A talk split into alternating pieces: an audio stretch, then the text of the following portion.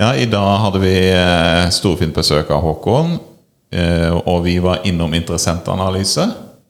Men vi var òg borti litt andre ting. Ja, vi har snakka om eh, uformelle ledere i prosjekt. Vi var borti mye kommunikasjon. Og det å forstå en organisasjon og den sin kultur.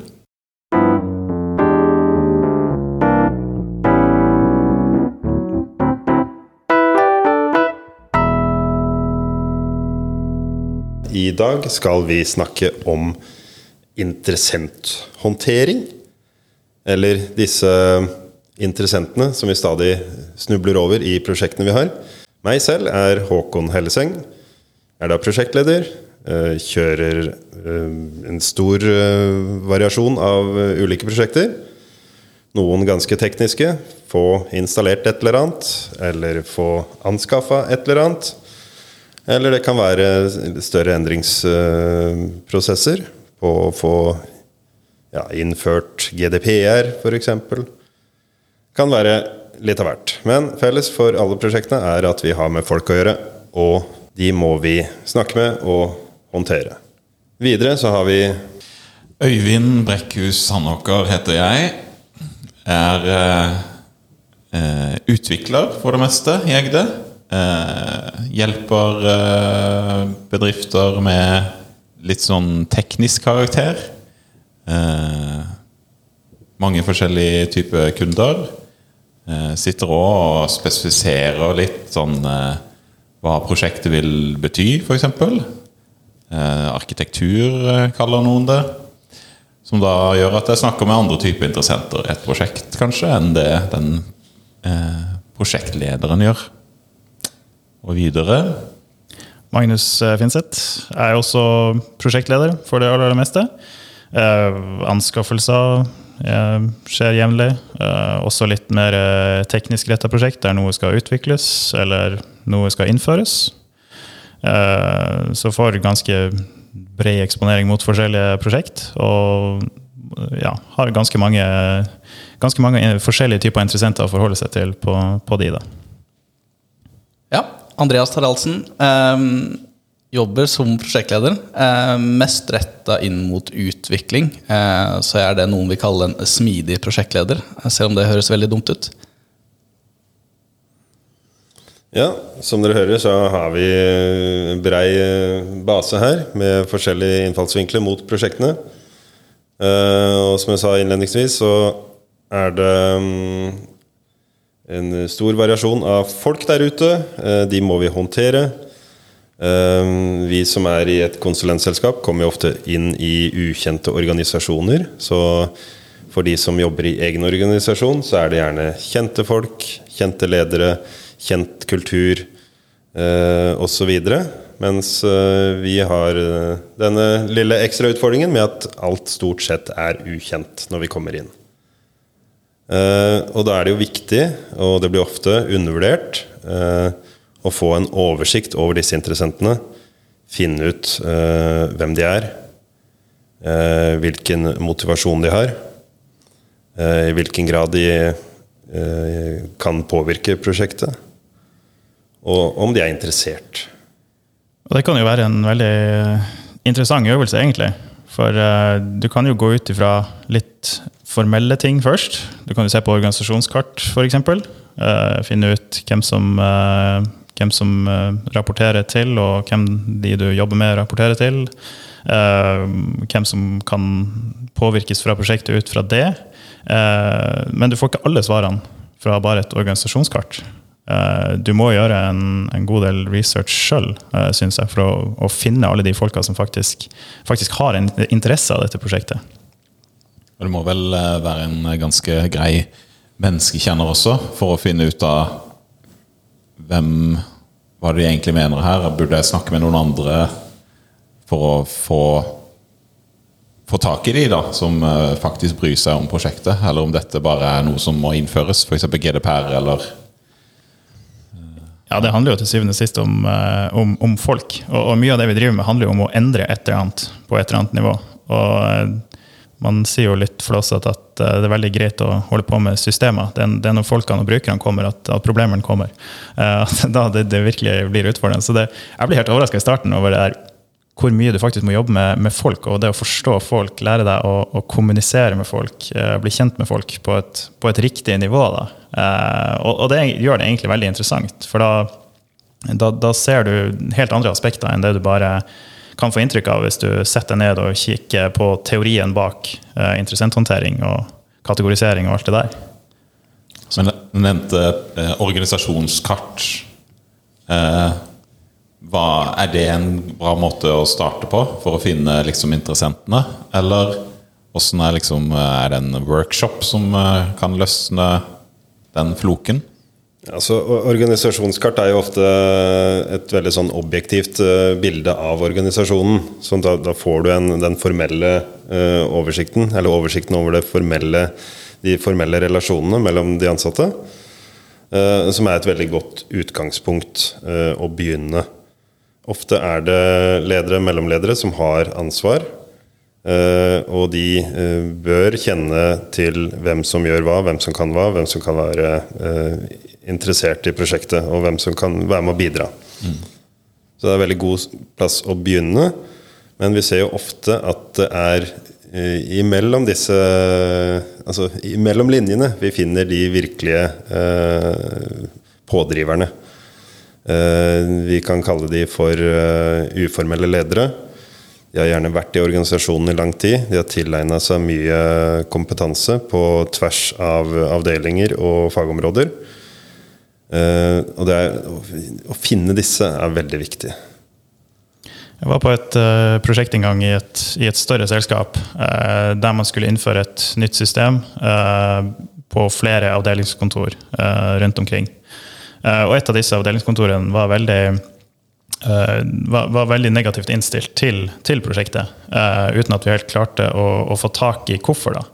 Uh, fordi at det, vi fikk, fikk, ikke gode svar, syns vi. da. Så, så, da dro vi på fysisk besøk til de da, uh, og skulle på møte med de uh, for å snakke om dette. Og når, når vi kom dit, da, så dukka det opp en person der som vi ikke kjente til i det hele tatt.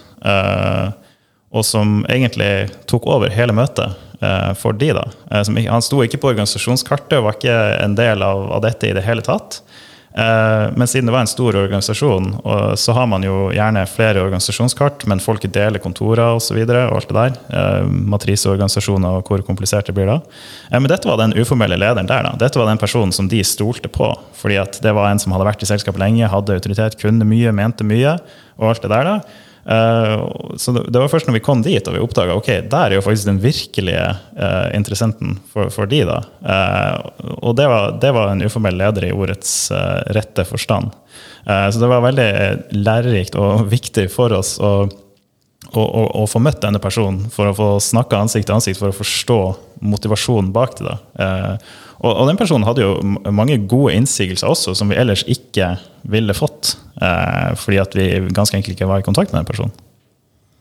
Ja, nei, Det er veldig interessant og, og gøy å høre. Eh, det som er, eh, kan være litt uh, komplisert og vanskelig noen ganger, er hvis denne uformelle lederen ikke har sin plass på en måte i organisasjonen. Hvis den formelle ledelsen eh, ikke ønsker å la denne uformelle lederen slippe til. Eh, og da kunne klare å få, få tak i han. Hvem er denne? Eh, det kan være en utfordring da. Eh, men hvis du først eh, da finner denne personen, eh, så kan det ofte være lurt å rett og slett bare ta en lang kaffeprat. Et litt uformelt møte. Book inn gjerne en halvtime eller en time. Sett deg ned og prat med den personen å bli kjent. Og det er viktig det å få bygd relasjonen da, med disse. Når, når, du sa at han var på det møtet, når du fortalte den historien, så tenkte jeg oh, oh, det her kommer til å ende med Og han ville ikke ha dette prosjektet gjennomført.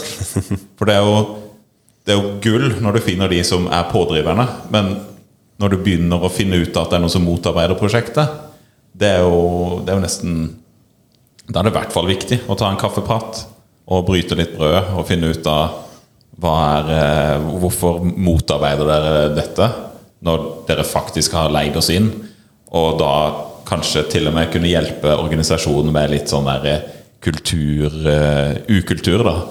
Eh, men eh, det- jeg frykta at du skulle komme med en sånn her, eh, historie som endte med at og vi fikk ikke gjennomført prosjektet fordi at vi ble motarbeida av en person som jobber mot oss hele tida. For det er også noe som kan dukke opp. da.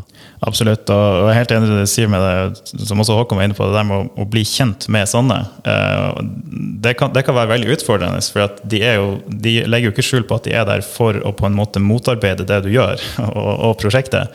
Eh, Men min erfaring i hvert fall er at de som, eh, de som er sånn, de har mye meninger, og, og noen av dem kan kanskje være litt, litt på sida, men innimellom alt det der så kan de komme med ting som er, er veldig nyttig, rett og slett, og er veldig bra. Og de er ofte, i min erfaring, eh, veldig fokusert på, på verdien. da. De aksepterer ingenting av sånne ulne planer for at uh, hvis man innfører dette, så, så blir vi mer effektive Uh, av den type ting. De vil liksom se den konkrete, konkrete gevinsten. Uh, de har noe i dag som der de er fornøyd med noen ting og misfornøyd med noe annet, men de vet hva de har, eh, og de vet ikke hva de får. Og de vil ikke bare umiddelbart sluke disse, disse luftige lovnadene, som, som det kan være lett å komme med i, i noen prosjekt. Så, så det tvinger deg samtidig til å tenke mye mer konkret på, på det du gjør, rett og slett. Og spesielt hvordan du kommuniserer og, og legger opp til eh, de, de gevinstene som prosjektet da forhåpentlig skal, skal skaffe. Det er, det er jo stor, eh, stor forskjell, slik jeg hører dere nå. Her snakker vi om større organisasjoner, organis eh, organisasjonskart. Det er, en, eh, det er mellomledere, det er større mellomledere, og så er det ledere, og så er det sjefen til lederen. Men er det alltid slik? Det, det, er, det er jo ikke det. Personlig så har jeg ikke helt Altså jeg visste ikke helt hva interessentanalyse eller håndtering var, sånn per definisjon. For jeg har alltid bare forholdt meg til menneskene i prosjektet, uten å nødvendigvis tenkt ok, her må jeg sette opp en matrise og sette det inn i et kart og tegne noen streker. Er det, har dere noen tanker rundt det? At det, det alltid må gjøres ting? Det alltid må kartlegges, eller? Det er alltid lurt å, å få en oversikt over det og notere ned. Altså Teorien så har du store matriser du kan fylle inn eh, med navn på interessent, grupperinger eventuelt. Og så har du innstilling til prosjekt, eh, påvirkningskraft eller makt. Uh, og, og så videre bygger du det opp til å bli en kommunikasjonsplan. Hvor ofte du skal kommunisere, hvordan du skal kommunisere, hva skal du kommunisere, og hvem som eventuelt er ansvarlig for kommunikasjonen. Uh, så det, det er ganske stort uh, og mye du kan gjøre ut av det, sånn formelt. eller så Metoden eh, sier mye, hvor mye du kan gjøre. Det viktigste er i hvert fall å få lista de opp og få et forhold til det. Og, eh, sånn at du ikke glemmer noen. Å være bevisst på hvordan du, du faktisk bruker det. da. Eh, ingen, ingen liker jo å bli fortalt at eh, Andreas, du du er en som motarbeider dette. Vi har kategorisert deg som en som motarbeider det her. Du er den kjipe? Så du er den kjipe. Så, så i planen vår så har du et svært rødt kryss ved siden av deg. Og så prøver vi å finne ut hvordan vi kan håndtere det. Det, det, er jo, det er jo veldig viktig at man, man klarer å, å gjøre dette på en, på en riktig måte. Altså, de fleste er jo ikke interessert i å liksom se interessentmatriser, vil jeg si. Uh, man, man vil, man vil få, få en riktig håndtering av prosjektet. Det er jo det er jo det, er liksom det som er trikset, da, å klare å ta den der teorien ut i det praktiske uten at det føles som du sitter og følger en sånn liste på det. At du, du føler som du har en sånn oppskrift på alt du gjør. Mm. Og likedan ved å ha, ha matrisen, ha utgangspunktet, så blir du litt mer bevisst på å tenke igjennom i hvilken innstilling de forskjellige interessentene har. At du, du blir eh, Selv om du ikke skriver ned alt eller setter eh, en score fra 1 til 5, eller hva det måtte være, så får du et mer bevisst forhold til i hvilken grad de er interessert, eh, i hvilken grad de kan påvirke, og, og, og hvordan du skal håndtere de. Men eh, i bunn og grunn så, så går eh, ut i hvordan du kommuniserer. Altså det mellommenneskelige, det medmenneskelige. Det er jo det det ender opp i. Det er den menneskekjennerbiten av det. Ja, altså Fra sånn prosjektledersida kan man si, så, så, jo, så snakker vi jo denne teorien ikke sant, om hvordan man skal forholde seg til det. Men, men Øyvind, du som er, som er, er utvikler og, og kanskje kommer jobber med det på en, en annen måte, i hvert fall ubevisst ikke sant? Man, Alle må jo forholde seg til andre i prosjektet, så man må jo i hvert fall ubevisst forholde seg til interessenter på et eller annet vis. Er det noe som er oppe i panna på deg? Er det noe som du tenker på? Hvordan, Hvordan tenker du det når du, når du er utvikler og arkitekt og må forholde deg til litt mer andre i, i tekniske roller, uten at du nødvendigvis har sånn ansvar for å håndtere interessenter eller sånne type ting? Ja, for jeg tenkte jo at uh, det blir jo veldig fort uh, noe som vi som er i prosjektet, ikke så fort har noe særlig bevisst forhold til. Men det er jo uhyre viktig kanskje å få eh, Få litt mer bevisst forhold til det, og en sånn interessant analyse. Det kan jo gi en del eh, kanskje objektive, men også litt sånn subjektive tolkninger av hvordan folk er eh, og oppfører seg. Så man får jo i Sånn som hvis jeg er en utvikler i et prosjekt, så, får, så lager jeg min egen interessentanalyse av folk, og også av da f.eks. prosjektlederen, og finner ut av om hvordan skal jeg snakke med denne personen? Eh, hvem er det den personen sparer med, som jeg da kan manipulere for å få det sånn som jeg vil? Det er liksom sånn derre Jo, men jeg, jeg, det, det jeg hører, er jo at altså det her er, alle gjør det. Og jeg nevnte i stad, altså er det nødvendig, men jeg gjør det jo i hodet mitt. Men forskjellen her er bare at du dokumenterer det. Men så er det jo det er litt sånn der eh, En interessant analyse sett eh, mot f.eks. en rasi-matrise, hvor vi fin- finner ut hvem som er responsible, accountable, consulted og alle disse greiene. Den er jo litt mer sånn objektiv. Eh, og den har jeg veldig mye bruk for i et prosjekt. Men så den interessante analysen ser jeg på mer som en sånn subjektiv greie. Eh, som alle egentlig lager en versjon av i hodet. Eh, men er det Som prosjektledere, da, tar dere Tar dere opp denne interessentanalysen, eller er no, eller interessentkartlegginga med noen? Eller er det bare noe dere på en måte finner ut av, eller må ha sjøl, som å ha et mye mer aktivt forhold til, enn oss som bare jobber i prosjektet, som lager vår egen eh, manipuleringsmatrise? Det er ofte en del av det formelle som blir eh, spilt inn til prosjekter osv. Vi har identifisert disse interessentene. Vi har en sånn og sånn plan for å kommunisere med dem. Eh, Det blir ofte også med i, i dokumenter som går i, i prosjektforløpet. da.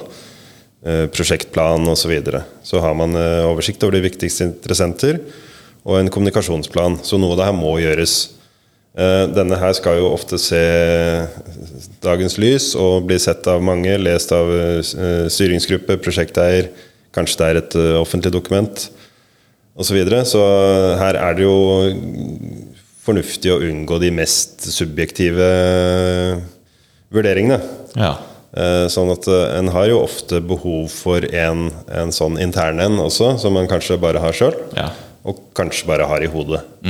Og så sensurerer du den andre. Ja, det er jo en fin øvelse i seg sjøl, at du må lage den og så tenke at ok, eh, noen skal faktisk lese det her. Så du må tenke, tenke hva som faktisk står der. Og eh, jeg syns det hjelper til å, å prøve å tenke mer konstruktivt og praktisk på ting. Eh, i, i de, spesielt i de situasjonene der man har noe som er, er utfordrende. For det er jo ikke til å legge skjul på at i eh, også, også i prosjekt, selvfølgelig, så, så er, det jo, er det jo noen folk man, man ganske enkelt bare klikker bedre med enn andre. Eh, det er bare sånn det er. Eh, og, og, og ved å la, måtte lage en sånn interessant eh, analyse som faktisk noen andre skal lese, så, så blir du tvunget til å hva, hva er det som er saklig her, da? Eh, da må du bare helt legge vekk alt sånn, alt sånn andre usaklige persongreier, men bare fokusere på det som, det som faktisk er relevant. Da. Eh, noen ting er, er veldig greit med noen interessenter, andre ting er mer utfordrende. Og hva er det som er utfordringa, og hvordan kan man løse den?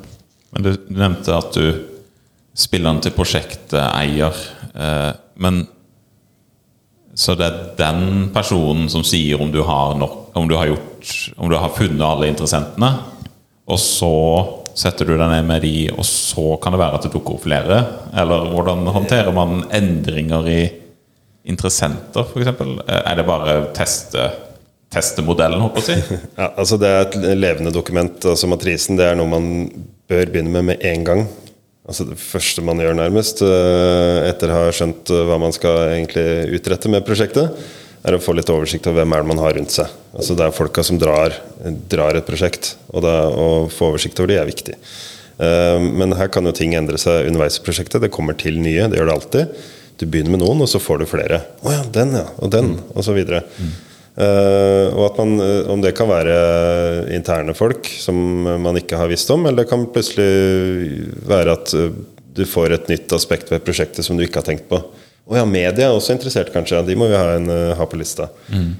Så, så det er noe man må begynne med med en gang, og vedlikeholde underveis. Um, Jeg satt, ja, det er veldig lærerikt. Sånn, eh, ja, for det er ikke bare personer, da, men grupp, altså media, eksempel. ja. Eh, og da kanskje en ledergruppe. Er det liksom Ja, det kan det kan være både personer og grupper, grupperinger, eh, eller altså befolkningen, innbyggere, kan også være interessenter. Og da lister du ikke opp eh, Per og Pål og, og Gudon Wærmann der, men eh, du har det som en felles, eh, felles bolk. Og du kan ha en sånn en type kommunikasjonsstrategi overfor befolkningen. Dette her er noe som faktisk berører alle i Norge. Eh, Vi må kanskje publisere det på et eller annet vis eh, offentlig, eller sende informasjon til alle. Det varierer jo veldig med prosjektet. Men den interessentanalysen som jeg nevnte i stad, er danner grunnlaget for kommunikasjonsplanen. Det er der du eh, snapper opp om du har fått medalje. Så lenge du har strukturert det i en sånn type matrise, så er det mye vanskeligere å glemme noe. For du da har sagt at du skal eh, kommunisere dette til media. Eller du skal eh, publisere dette ut, så befolkningen kan lese det. Du skal kommunisere til styringsgruppa en gang i måneden, eh, osv. Da er det mye lettere å eh, få, få gjort det du skal, og huske det du skal. Ja, for kommunikasjon er jo kanskje den største delen av prosjektledelse. Eh, holde riktige folk informert på et riktig nivå til riktig tid. Eh, en kjempeutfordring selv på, på små prosjekt. Og med å ha en, en godt utarbeida kommunikasjonsplan som bygger på det du, arbeidet du har gjort med å identifisere og finne ut uh, hvilke interessenter som, som er, uh, så har du et veldig bra verktøy for å, å kunne gjøre det på en, på en bra måte. En, en litt annen ting rundt dette med kommunikasjon, da. Eh, som ikke nødvendigvis blir det så formelle som vi gjør rundt en kommunikasjonsplan. Eh, men det når man kommer inn i en ny organisasjon og skal eh, bli kjent med folk, og, etter hvert da begynne å kommunisere med dem, eh, få framdrift, utveksle oppgaver osv., er det å finne ut av hvordan er det denne kulturen er. Hvordan kommuniserer man her? Går alt på e-post? Eller de, bruker de ikke e-post i det hele tatt? Bruker de bare chatter eller eh, Teams osv.? Eh, må man steppe opp på kontoret og snakke face to face til den enkelte? Eller eh, er det noen som bare ringes bestandig? Eller fungerer ingenting utenom i møterom og formelle møter? Det er der man får gjort ting. Altså, dette er så varierende rundt omkring, og det er noe av det som gjør det veldig spennende å få være i Egde og komme ut til så mange forskjellige. Og, og få den nyansatt på jobb-følelsen så ofte. eh, å komme der og skulle bli kjent. Eh, veldig spennende. Ja, Det er et kjempepoeng. Mm. Det er jo utrolig morsomt eh, med kommunikasjon, og så spesielt sånn som når man, når man da er utvikler og kan bli veldig teknisk og syns det er veldig gøy å snakke det språket, men så finne ut av at eh, den personen som nikker med på møtet, skjønner ikke bæret, og så bare formulerer seg bitte litt annerledes, og så skjønner den personen alt, og du kan da ta kvantesprang videre i prosjektet. Det er, det er kjempegøy. Fordi at da enten at du plutselig treffer med budskapet ditt, eller at du da får beskjed om å gå og snakke med en annen i stedet. Fordi jeg skjønner ikke hva du snakker om. Eh, ja, jeg elsker sånn kommunikasjon, eh, exploration, hvor du liksom finner ut av Å ja, er det du jeg må snakke med for å få det? Men det, du nevnte i stad med 'sitter og nikker med', det er ganske skummelt. Og det, er- det er viktig å ha med seg. Eh, at Det ligger jo litt sånn i naturen at man ikke ønsker å, å, si at man ikke skjønner noe. Si at man ikke henger helt med. Eh, da er det lettere å nikke forsiktig og eh, mer eller mindre late som man henger med. Og så går det greit. tenker på. Jeg føler jo ofte at man nikker egentlig bare for å vise personen som snakker at ja, jeg følger med.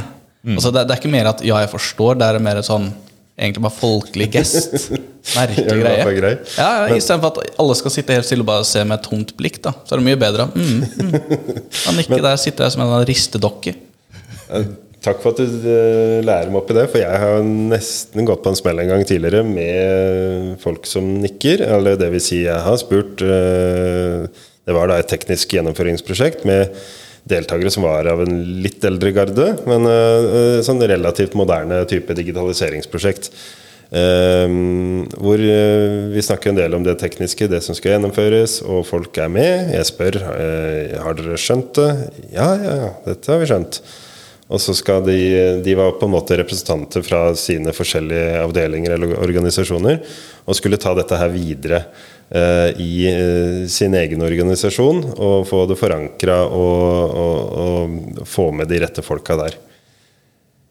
Eh, det viste seg etter hvert at de hadde nikka pent for å være høflig. For å ikke uh, la meg sitte her og snakke til tomme blikk. Eh, så det var en eh, Heldigvis fikk jeg snappa opp det før det var for seint, og før det måte fikk store konsekvenser. Men det, eh, det er viktig det der å gi i den kommunikasjonen, gjerne litt tekniske temaer, og nærmest få de andre til å si det samme du sjøl har sagt, med sine egne ord. For å da unngå den misforståelsen, unngå den nikkinga. Så da, da kommer det opp det der. Nei, jeg, jeg henger ikke helt med på den, eh, det siste du sa. Akkurat det der du sier med gjenta det med egne ord, det er også veldig spennende, syns jeg. Fordi eh, før så, så skjønte jeg ikke det der. Hvis man var i en, i en workshop eller et møte, og så hadde du en person som hele tida skulle komme med tilleggskommentarer til det som ble sagt, bare skøyt inn tilleggskommentarer eller stilte spørsmål eller gjentok litt det som ble sagt, da. Eh, for jeg, jeg trodde det var en sånn avbrytelse eller, eller noe sånt på det, da. Eh, men så gikk det jo plutselig opp for meg en dag at det der er jo bare en annen måte å lære på. altså, du lærer gjennom at du klarer å gjenta ting, at du klarer å fylle på det som har blitt sagt. Da. Eh, så det var et sånn skikkelig uh, sånn lyspæreøyeblikk for, for min del. For da skjønte jeg ok, det der er jo faktisk ikke noen som vil rette oppmerksomheten mot seg sjøl, eller liksom bare avbryte og ikke skjønner at ja, du må jo liksom, du må liksom vente på tur. og alt sånt her. Nei da, det er faktisk, det er bare læring i det. ikke sant? De tilfører faktisk noe gjennom alle disse tilleggskommentarene sine. Men de menneskene var jo de mest irriterende på skolen. Jeg vet ikke om dere opplevde det noen gang? De som alltid skulle korrekte på læreren og bare gjenta det læreren sa høyt. Andreas, jeg tror flere av de som er her, var de folka. Men det er Da må også vi ta en en, prat etterpå, kjenner jeg. men det er også en veldig grei måte å forsiktig si at du Jeg skjønner det egentlig ikke, men hvis jeg skal si det med mine egne ord, så ville jeg sagt det på denne måten. Kjære alle sammen, er det riktig? Det er jo litt sånn da at du subtilt bare sånn derre Ja, fordi du mener å brygge kaffe er å varme, det, varme opp noe greier, og så kommer det ut noe i andre enden? Nei, ikke helt det. Ok. Det er kjempe, kjempenyttig å få, uh, få folk til å faktisk si sånn som du sier her. Men det er jo eh, det, tar litt tid å komme dit i et prosjekt. Det, det, det liksom, du må jobbe med prosjektgruppa, eller de som er i møte, de du kaller inn. Det trenger ikke å være den interne gruppa du jobber med hele tida heller. Det kan være at du kaller inn en, en større gjeng fra forskjellige selskaper eller forskjellige organisasjoner. Og klare å få etablert den eh, tilliten mellom deltakerne. Få senka skuldrene, få på en måte eh, legge til rette for at du skal kunne være åpen og ærlig og, og, og sårbar. For det er, du blottlegger deg sjøl når du innrømmer at du ikke er helt med. Og du, sånn som I prosjekter og sånn, så setter du jo sammen en gruppe mennesker som selv i en organisasjon kanskje ikke har jobba sammen før. Og da å få den der trust, eller tilliten, er jo ikke bare mot innleide prosjektledere eller innleide utviklere. Det er jo ofte internt i bedriften også. Og at hvis du har hatt en hemmelig politisk agenda før med et eller annet prosjekt, har du hørt at ja, den personen var jo med og lagde denne tingen som man sikkert har lyst til å dra videre, eller har utarbeida denne den planen for bedriften videre, så stiller du jo litt sånn der Ok, og vi bryter ned alle fordommene? Ja, det, det kan være en øvelse, det å, å få grep om alle disse konstellasjonene du ofte kan finne i organisasjoner, og, og, og få eh, folk ned på samme nivå.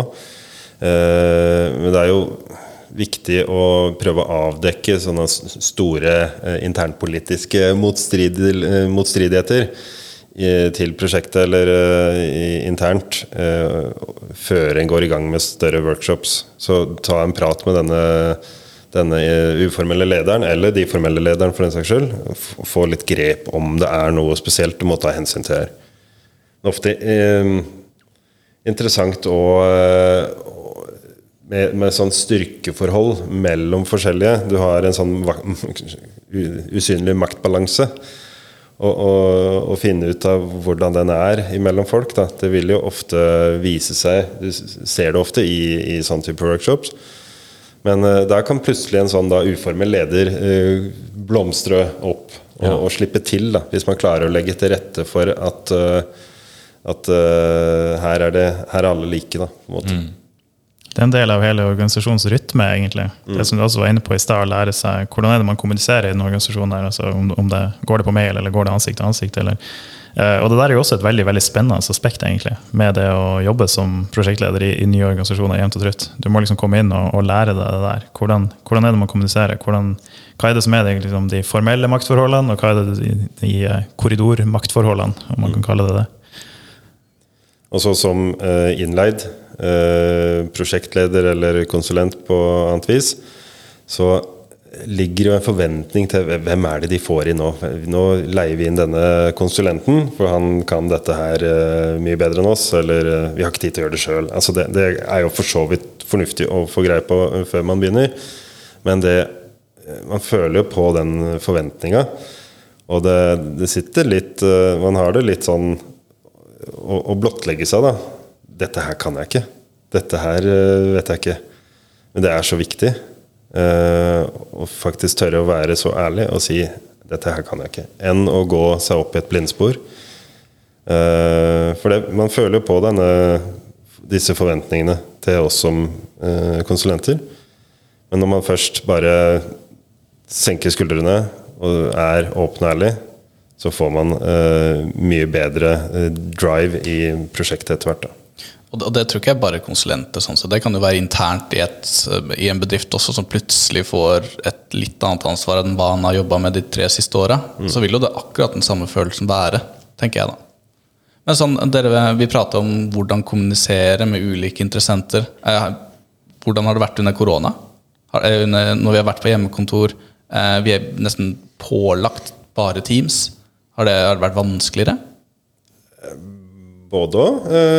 Det har jo blitt eh, mye lettere å få tak i folk på Teams etter hvert. Eh, Og få alle til å bruke det. Alle må bruke det. Eh, Og noen av prosjektene har vært ganske, hadde vært ganske klønete og kjørt uten Teams. Vi har hatt et sånt eh, litt stort nasjonalt eh, prosjekt hvor vi har hatt med folk fra hele landet. Og det hadde vært mye farting og mye CO2 i regnskapet til Egde hvis vi skulle ha tatt alle de møtene fysisk. Mye baconpølse på Statoil? Så øh, jeg syns Altså, det, det jeg savner, eller har savna mest under pandemien, har vel vært det å snakke tilfeldig med noen. og møte noen tilfeldig ved kaffeautomaten. Og stille et forsiktig spørsmål deg øh, der. Har du, husker du, du Jeg sendte en mail i forrige uke. Har du fått sett på den? enn å skulle sende en purremail på det, eller ringe. Hei, nå må du ta Det blir så mye eh, hardere. Og det å faktisk møte noen i organisasjonen, kanskje tilfeldig eh, snuble inn i en diskusjon som du normalt sett ikke ville blitt kalt inn i, men som plutselig viser seg å være veldig relevant for det prosjektet og det du skal gjøre.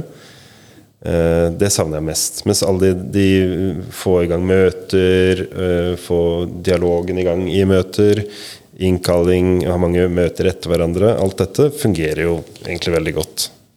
merker jeg jo ja, ute hos kunder òg, men også internt i Egde. Når du møter opp på kontoret og du står og venter ved kaffeautomaten, eller du setter på en ny kanne eller et eller annet, og de folka som da kommer forbi, og hvor mye informasjon du får om alt som skjer da, det kan ikke reproduseres på hjemmekontoret på samme måte. Altså, du kan stille de der små oppfølgingsspørsmåla til folk sånn, som da ville trykka på en join Teams-møte, men de går for å hente kaffe, og du kan spørre hvor skal du nå? Nei, jeg skal snakke med Håkon igjen. Han har jo ikke peiling. Hva, da? Hva har han ikke peiling på? Interessentanalyse. Har har null kontroll. Ah, det er gøy å vite. Kan jeg f.eks. bruke i en podkast seinere? For eksempel.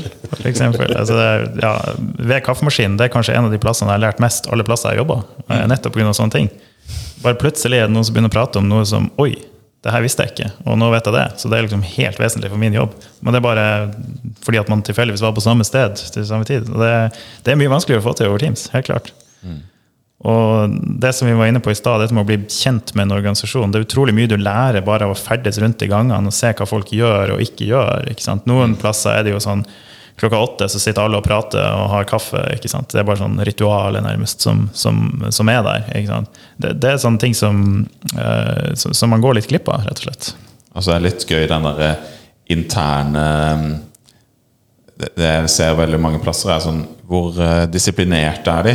Sånn eksempel når klokka er ni, alle reiser seg opp, har kaffen klar, går inn på et møterom, står oppe, altså utviklermessig, da, har en standup, ferdig om ti minutter, tilbake, setter seg ned. Da, da får du en litt sånn derre Ok, så det, det er sånn kulturen er her. Skikkelige rammer, og liksom du skal holde deg til dette. Mens andre plasser så er det sånn ja, Klokka er ni. Jeg skal bare gjøre ferdig en ting. Ok. Og så den personen som skal gjøre ferdig en ting, må også hente en kaffe. Og så går han inn på møterommet for å eh, vente som Der hvor det sitter ti stykker andre og venter på den personen som er kritisk å få med i møtet en standup for å si status på et prosjekt. Det er veldig morsomt, sånne småting man ser i alle bedriftene man er ute i. da. Ja, nettopp. For liksom, klokka ni, er det da du går og henter kaffe, og så går inn i møterommet? Eller har du gjort det på forhånd, og så går du inn i møterommet klokka ni? Det er sånne små sånne kulturgreier som er, er så vesentlig å kjenne til. Kommer an på møtet. Og så vil du jo som konsulent så vil du ikke være den der eh, ja, Hvis du sitter inn på møterommet og venter, så sløser du jo tida. Hvis du begynner å gå da og tar en kaffe på veien, så stopper du de andre. Så det er mye sånn hensyn man må ta da hvis man skal tenke litt på eh, hvordan, eh, hvordan bruker tida ute hos eh, kunder. Ja, og det, det viser jo her Det kommer jo inn på dette med at som konsulent, eh, kanskje generelt, ha litt flere ører enn du har munn. Se litt mer enn du sier ting. Altså vær Få litt å- Ha vær- værhåra ute og få med deg litt av hva som skjer rundt deg. Og det er jo litt sånn å være på lag da, når man er ute hos eh, kunder, og den interne interessentanalysen kan kanskje være litt eh, eh, morsomt å eh, spille inn til hverandre, sånn at man skjønner eh, hvem man skal snakke med. da. Kanskje hjelpe prosjektlederen videre. Men vi må, vi må oppsummere litt. Hva er det vi har, eh, hva har snakka om i dag? Øyvind, hva har du fått ut av den samtalen her? Jeg har lært at interessentanalyse er mye mer enn det jeg trodde. Jeg trodde det var eh, Jeg skjønner jo at det, Eller det burde ikke være at man går rundt og spør eh, Kari Nordmann om hva vil du vite av Kristiansand kommune når du skal få en ny Min side-løsning. Det blir publikum. Eh, publikum skal få informasjonen. Så det var, det, det var lærerikt for meg. At, eh, eller ble minnet på det. da, At interessant interessentanalyse er ikke bare personer, men det er grupperinger og sånt. Andreas, hva har du eh, Hva jeg har lært? Um, mest det at uh, jeg var ukjent med uh, terminologien. Uh, men jeg har jo gjort det. Uh, ubevisst uh, pga. det er ansvaret jeg har som prosjektleder. Eh, men også burde kanskje i fremtiden dokumentere det på en litt mer formell måte. Som Håkon prata om. Ja, Håkon, vi har jo kanskje prata mest om sånn terminologi. Hva har, har vi fått noen eh, påminnelser og eh, sett noen nye perspektiver? Ja, det vil jeg si. Jeg har fått det litt Litt mer eh, fra litt mer tekniske ståsted, og litt andre steder i prosjektorganisasjonen enn en der man sjøl er. Så, og ethvert godt eksempel eh, er bra å ha med seg videre. Så absolutt. Og jeg har fått en fin påminnelse om hvor, eh, ja, faktisk hvor, hvor interessant det der er med å bli kjent med en organisasjon, og hvordan den henger sammen, og, og de enkelte folka du må ha med å gjøre. Altså, Er det her en mailer, eller er det en prater? Ikke sant? Alle de her små tinga som, som gjør at du til sammen klarer å forstå interessentene til, til det her prosjektet. da. Så er det veldig gøy å snakke om dette. Altså Å, å diskutere det og få, få disse små dryppa. Eh, kunne ha holdt på i timevis. Jeg er veldig enig. Ja, jeg tror det, egentlig. Så jeg tror vi må gi oss leken, mens leken er god.